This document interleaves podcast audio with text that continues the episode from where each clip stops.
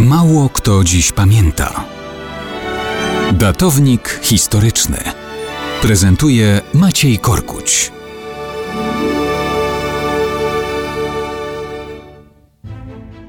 Mało kto dziś pamięta, że 23 lutego 1934 roku na tronie królewskim w Belgii zasiadł Leopold III i jego żona Astrid, córka księcia ze szwedzkiej rodziny królewskiej. Piękna Astrid miała wówczas niemal 29 lat.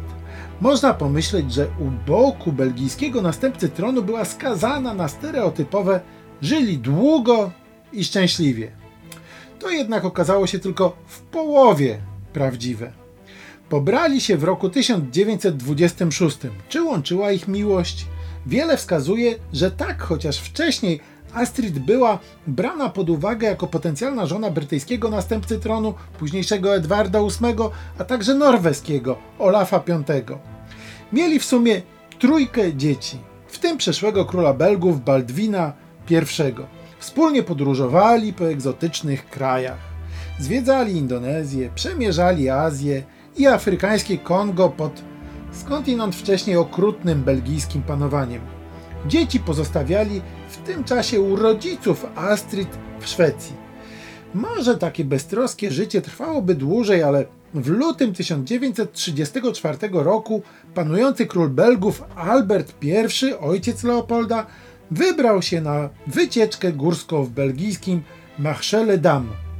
Jak najzwyklejszy śmiertelnik zginął tam w czasie wspinaczki. Uwielbiana już przez Belgów Astrid została więc królową, ale śmierć niestety nie odeszła zbyt daleko od tej rodziny. Sierpień 1935 roku. Oboje spędzają w Szwajcarii nieoficjalny wypoczynek w górach. W końcu trzeba wracać do Belgii. Jadą więc na ostatnią górską wędrówkę. Wsiadają do auta. Leopold prowadzi. Ona siedzi obok z mapą. Pewnej chwili coś pokazuje. On patrzy na mapę, zamiast na drogę. To ułamek sekundy. Samochód wypada z górskiej trasy, spada w dół wprost na drzewo. Królowa zostaje wyrzucona z auta z ogromną siłą, uderzając w pień. Zakrwawiona umiera na miejscu w rękach swojego małżonka. Tak więc z owego żyli długo i szczęśliwie, tylko ta druga połowa stała się faktem.